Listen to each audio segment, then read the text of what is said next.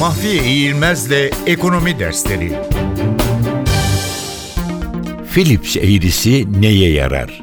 Yeni Zelandalı iktisatçı Alban William Phillips tarafından İngiltere ekonomisi üzerinde yapılan bir araştırma sonucunda geliştirilen Phillips eğrisi analizi, enflasyonla işsizlik arasında ters yönlü bir ilişki olduğunu ortaya koyuyor.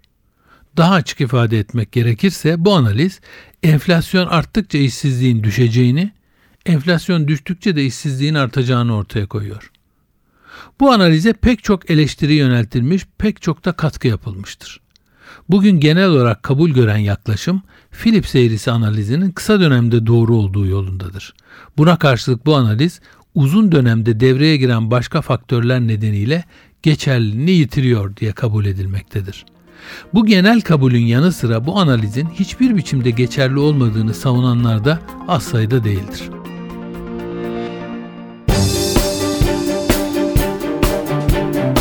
Mahfiye İğilmez'le Ekonomi Dersleri